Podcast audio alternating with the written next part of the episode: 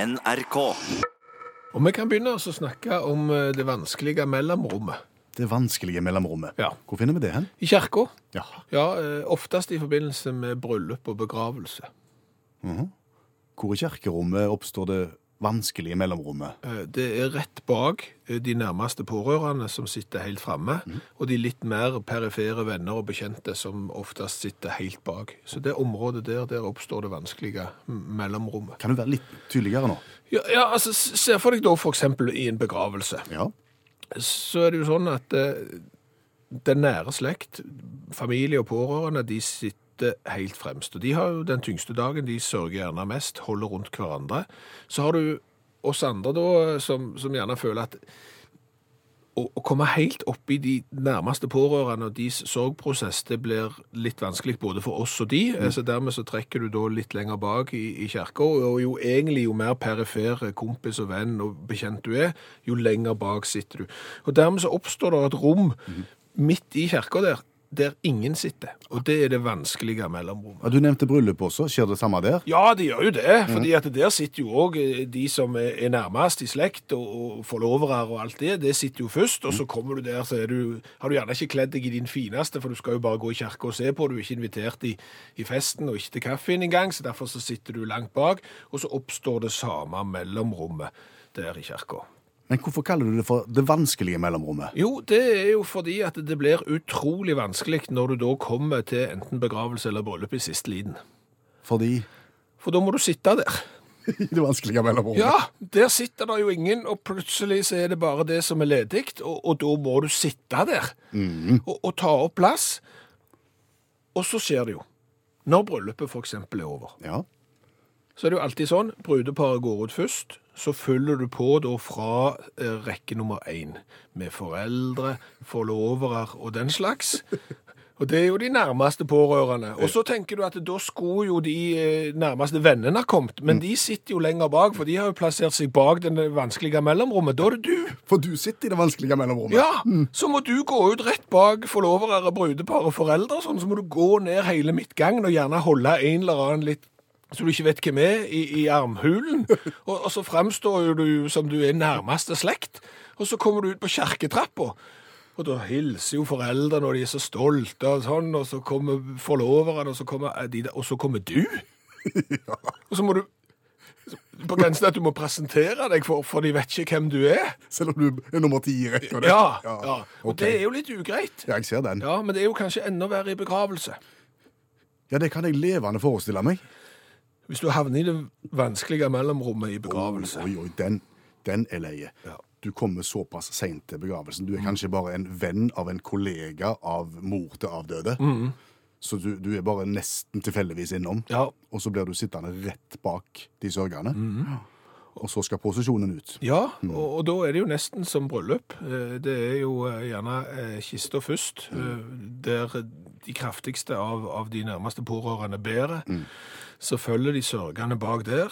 Og så kommer du. Så kommer du i det vanskelige mellomrommet, og, og er du skikkelig uheldig der, så har jo gjerne bedemannen funnet at de som ligger rett bak de nærmeste pårørende, de skal jo da gjerne bære en bårebukett eller En krans. en krans u- ut midtgangen, ut til, ut til, Og du er- til jordpåkastelsen. Du er veldig perifer. Veldig perifer. Og så går du der, og så må du gå forbi alle de andre som jo ikke er så perifere som du er. Og de lurer jo på hvem du er, og du lurer jo på hvem de er òg, for du har aldri sittet før. Og så er det kanskje ganske langt å gå. Helt til der som kista skal ned i jorden. Og der går du. Så her er vel egentlig rådet at hvis du vil unngå det vanskelige mellomrommet, så pass på å være tidlig ute. I dag er det onsdag, eh, og derfor er det viktig at Utakt som radioprogram kommer med et svar. Mm. En gjør alltid det på onsdager. Ja, og i dag er svaret campingtur. Ja, campingtur er svaret i dag. Men da er jo spørsmålet Ja, hva er spørsmålet? Det er et godt spørsmål. Ja, det er et veldig godt spørsmål. Eh, For i dag gir vi svaret campingtur, og da er det opp til deg som hører på radio å koke i hop et veldig godt spørsmål som har et svar som er campingtur. Og det artigste, beste spørsmålet som du koker ut, kårer vi mot slutten av programmet og belønner med ei utakt-T-skjorte med V-hals.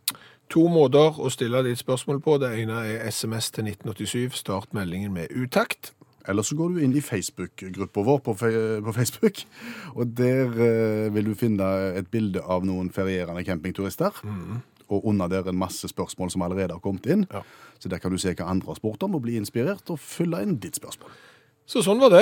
Ja, Var det mer å si da, egentlig? Nei, eh, da tror jeg fort det blir sånn tørrprat, og så bare sitter du og snakker om ingenting, og så er det liksom bare stemme. Det, det er på, ikke vits i. Nei, det er ikke god radio. Nei, det er ikke det. Svaret i dag er campingtur. Hva er spørsmålet? Og I går så fortalte vi om Tom, som kombinerer to aktiviteter. Ja, han kombinerer yatzy og dart, altså pilkast, eh, og spiller da pil-yatzy. Ja, Og det fikk du lyst på. Veldig, spesielt maxi piljatsi ble jeg veldig grepen av, eh, og ikke minst fordi at du, det er så mange kombinasjoner som du ikke har i vanlige jatsi, blant annet så har du jo primtallsstreit, Ja. så eh, det er mye kjekt der. Men eh, det fikk meg til å tenke litt på det å så kombinere aktiviteter. Litt inspirert av Tom. Så kom jeg til å tenke på golf. For golf er jo en idrett som i utgangspunktet bare var en idrett. Ja, det var bare en idrett der du gikk rundt med ei kølle, slo på en hard, hvit ball, gjerne ikledd i noen rare klær som du aldri ville funnet og gått med noen annet sted enn ute på en golfbane. Og så var det noen som fant på at kanskje vi skulle gjort det i sånn miniatyr på en bitte liten bane. Ja, da trenger du ikke ha rare klær, da kan du ha Bermuda-shorts. Ja, Da kalte de det for minigolf. Ja. Så var det noen som tenkte hva om vi kombinerer golfen med en annen idrett? For eksempel fotball. Mm. Ja. Så lagde de fotballgolf. Og det er blitt ganske populært. Ja. Eh, Da har du ikke kølla og rare klær nødvendigvis, eh, men, men du sparker ballen, og så er det jo om å gjøre å ha færrest spark før du har plassert eh, fotballen oppi et hull. ja. Og så er det de som bedriver frisbeegolf. Ja, litt det samme. Da har du skeinebrett, Mm. frisbee, og så hiver du det, og så skal det oppi sånne små korger i stedet for huller i bakken. Ja. Ja. K- Hvor er det vi egentlig skal hen her nå? Jeg tenker at det kanskje kunne vært flere muligheter med golfen å kombinere. Fotball og, og frisbee er ikke nok? Håndballgolf. Ja! Håndballgolf er ikke prøvd. Nei, håndball er jo en stor idrett, og håndball er jo gjerne sånn at hvis du ikke er så glad i fotball, eh, så begynner du i håndball, og det er klart, hvorfor skal ikke du få lov å kombinere det med golf? Da kan du hive Ja, ballen, og så skal du opp i hullet. Og du kan vel kanskje bruke fotball-golfbanen til håndball-golf? Det er jo bare å stå og hive, og så skal du hive den og trille den opp i hullet til slutt. Flerbruk. Ja, veldig bra. Ja. Volleyballgolf. Kunne vært for eksempel, hvor, hvor mange er det på et volleyballag? Seks. Ja, det er litt mange. Ja. Et Sandvolleyballag, det er to. Det er to, ja. Ja, Da kunne du vært to stykk. Mhm. Og så skal for eksempel den ene stå 30 meter fra hullet, og så skal han serve volleyballen, og så skal det stå en ved hullet, og så smasher han katunk ned i hullet. For eksempel. Ja, Her tror jeg ikke du har tenkt.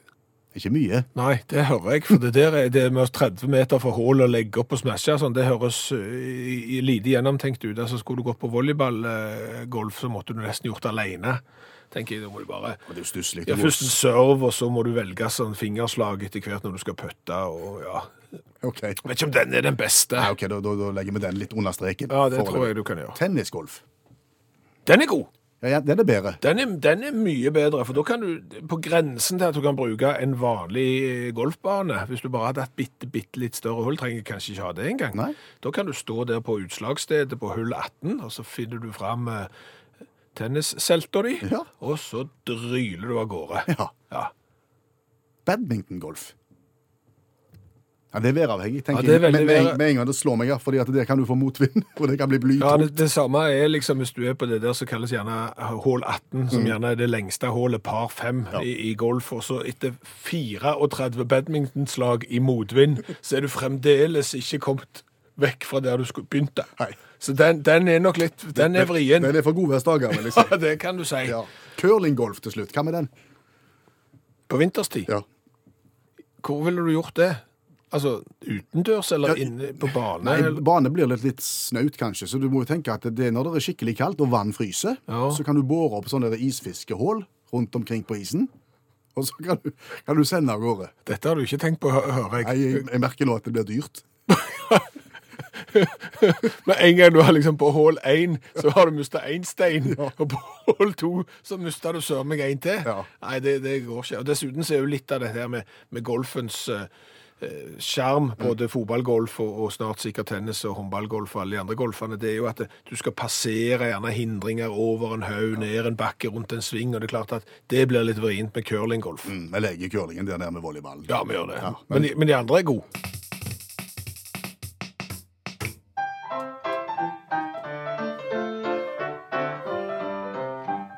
Og der kom den.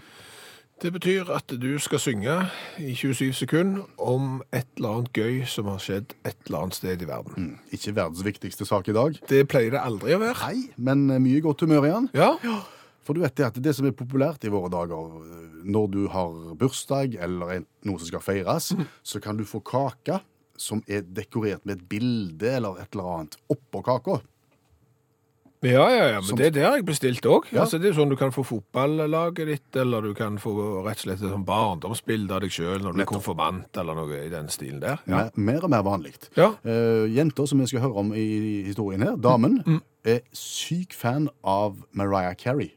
Å ja. divaen, musikeren, sangerinnen, og ønska seg mer enn noe annet eh, et, ei kake med bilder av Mariah når hun skulle feire dag.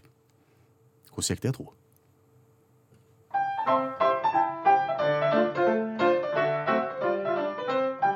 Hun skulle feire sin dag og inviterte til et lag, og hun ønska seg et bilde med idolet. Og ja, kake skulle hun få med Mariah Carey-bilde på, men kaka ankom uten bilde av sexsymbolet. For den var ikke pynta med Mariah Carey. Nei, i stedet var det bilde av Madame Curie.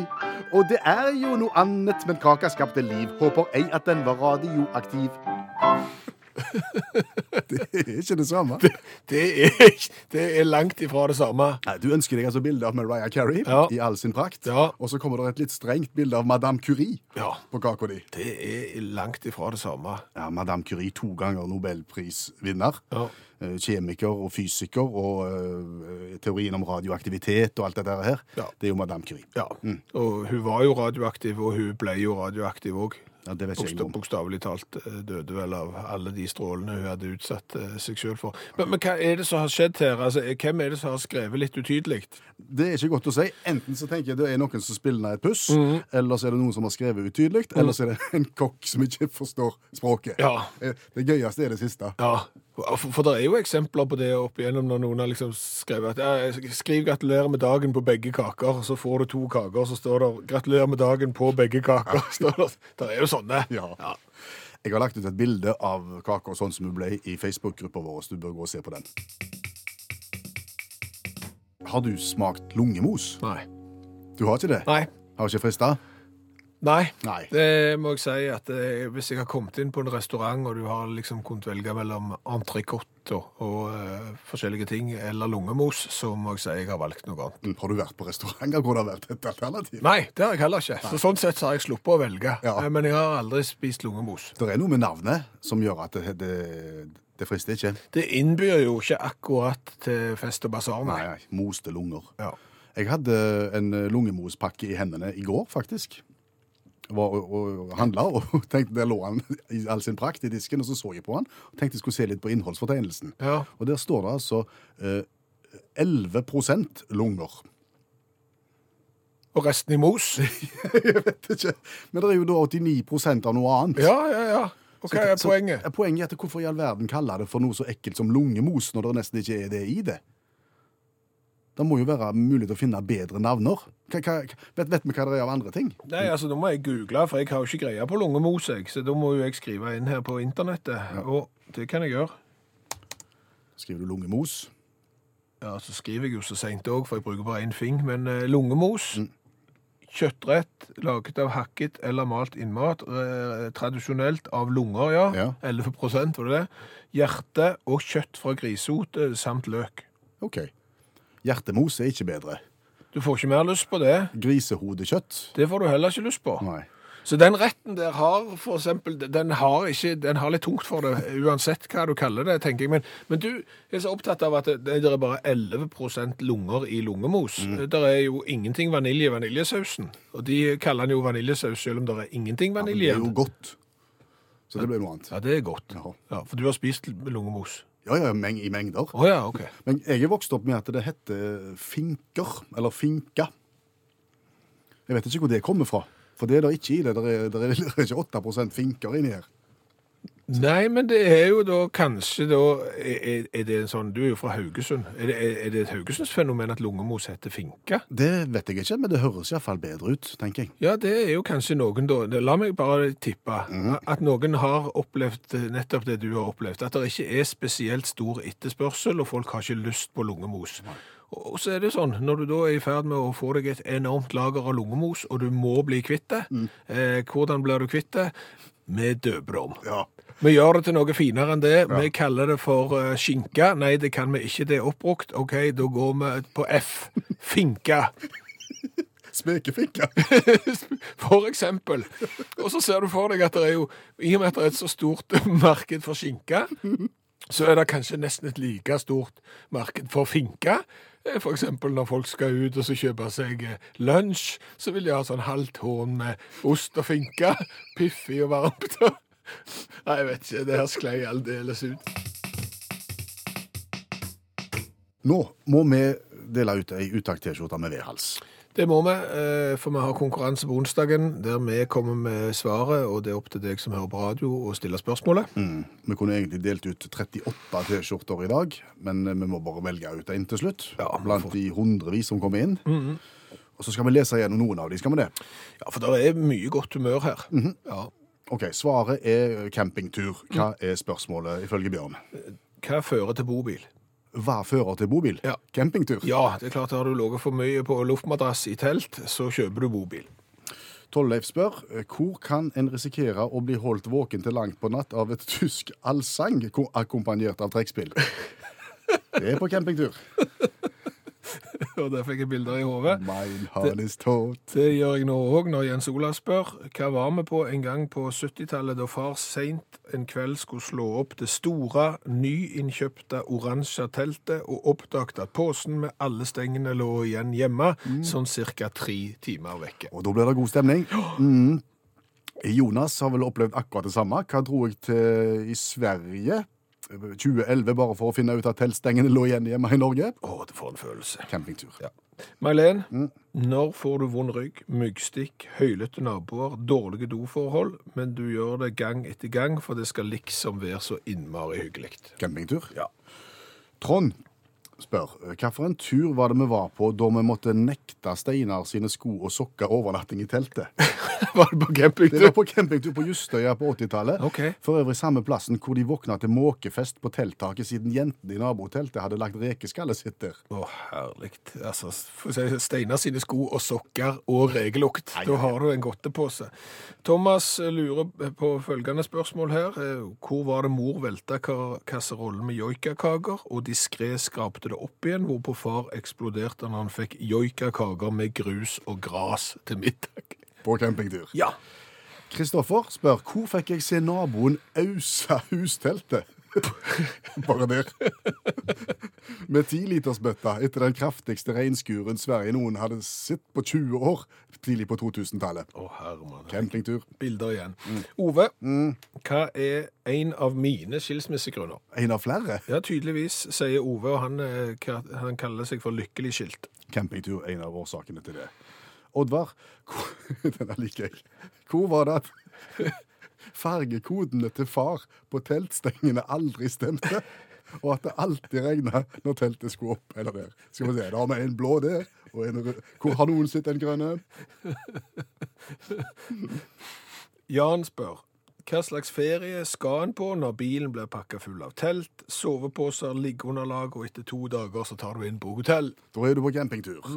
Einar spør hvor var jeg i 1970 da primusen velta, rø- da rødspriten var tent, teltet tok fyr, tilløp til grasbrann og brannvesenet i Kristiansand måtte tilkalles for å begrense skadene. Da var Einar på campingtur.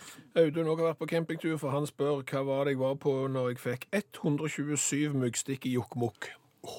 Det er mye, det. Det er mye. Å, det klør. Vi må kåre en vinner. Vi må kåre en vinner. Og her må jeg nesten se for seg ting.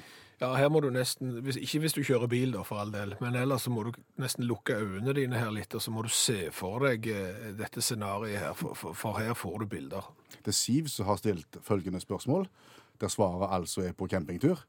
Og hun spør hvor var det far alltid hadde med seg en skikkelig sofa til å hvile i? Altså, k- har du hatt med tilhenger med, med liksom å ha med tre seter, eller har du bundet den på taket av f- folkevogna? eller? Nei, men, men har alle pakket alt de skal ha? Ja, nei, far mangler sofaen. Hva har vi lært i dag? Jo, vi har jo lært mye. Vi har jo blant annet lært at kjært barn har mange navn, mens lungemos har litt færre. Mm, det kan du si. Eh, Der er, I Haugesund, der som du er vokst opp, eh, der sier dere finke Ja, det, gjør- om lungemos. det gjør en gjerne i Stavanger også, i Sandnes-området, men også i andre steder av landet har vi fått melding om. Det har vi fått melding om bl.a. òg fra Marit. Og og i militæret så skal visstnok den der død mann på boks være lungemos. Samme innholdet som i lungemos. Det der kan jeg ikke bekrefte. Jeg har vært i militæret, men eh, hermetikken den ga vi vel vekk hvis vi måtte spise den. Kjell Arne sier at hakkemat kan være et annet navn på lungemosen. Ja, Hakkemat. Selger vel kanskje litt lettere hvis du kaller det for hakkemat enn lungemos. Ikke sikker. Det er bare et tips. Eh, Så har vi snakket om det vanskelige mellomrommet. Ja, hvor, hvor er det vanskelige mellomrommet? Det er i kjerker, eh, spesielt i forbindelse med begravelse og bryllup. Det er det området der ingen sitter rett bak de pårørende, og de som da ikke føler at de er i det nærmeste slekta som har satt seg bak. Der er det et område i kjerker der ingen sitter. Mhm, men så kommer du gjerne litt for seint til begravelsen eller bryllupet, for du er veldig, veldig perifer. Ja. Og da blir du plassert der. Ja. Og da må du, når du da skal gå ut i prosesjon, enten bak brudeparet eller bak kista, så er du egentlig altfor nær i forhold til hvor du hører hjemme. Ja, og, og så er du gjerne bare en kollega av mor til en som kjenner den som er avdød, og vips så går du der med bårebukett i hånda. Nei, Det er ikke bra. Ikledd dongeribukse. Men da har jeg jo lært det at i Nes kirke i Nesbyen, der Geir er kirketjener, der har de eh, prøvd å bøte på dette problemet. Jaha. De stenger da de bakerste rekkene med tau. Hva oppnår de da? Ja, da oppnår du jo at folk ikke kan sette seg helt bakerst, de må jo sette seg eh, lenger fram. Eh, jeg tipper at du har ikke fjernet problemet helt, Geir, eh, fordi at du vil allikevel prøve å komme så langt bak som overhodet mulig, men det er klart du har minimert eh, det vanskelige mellomrommet. Det har du gjort. Så det er bra. Så har jeg jo lært av deg at du har lyst til å kombinere flere idretter med golf. Ja, det må være mulig til å kombinere mer enn eh, fotball og frisbee med golf. Ja. Eh, Du har f.eks. For foreslått eh, volleyballgolf. Håndballgolf. Ja, eh, det er jo et godt forslag. Tennisgolf er òg et godt eh, forslag, men eh, så er det de som har foreslått kulestøtgolf. Ja, hvorfor ikke? Ja, jeg tror bare ikke du skal spille det på en golfbane, for hvis du kommer med ei sånn svære, tunge kule og begynner å hive den ut på den der finklipte grinen der, så tror jeg det er en og annen i rutete bukser med press og, og hvite sko med pigger i som kommer til å bli eitrende eh, sure.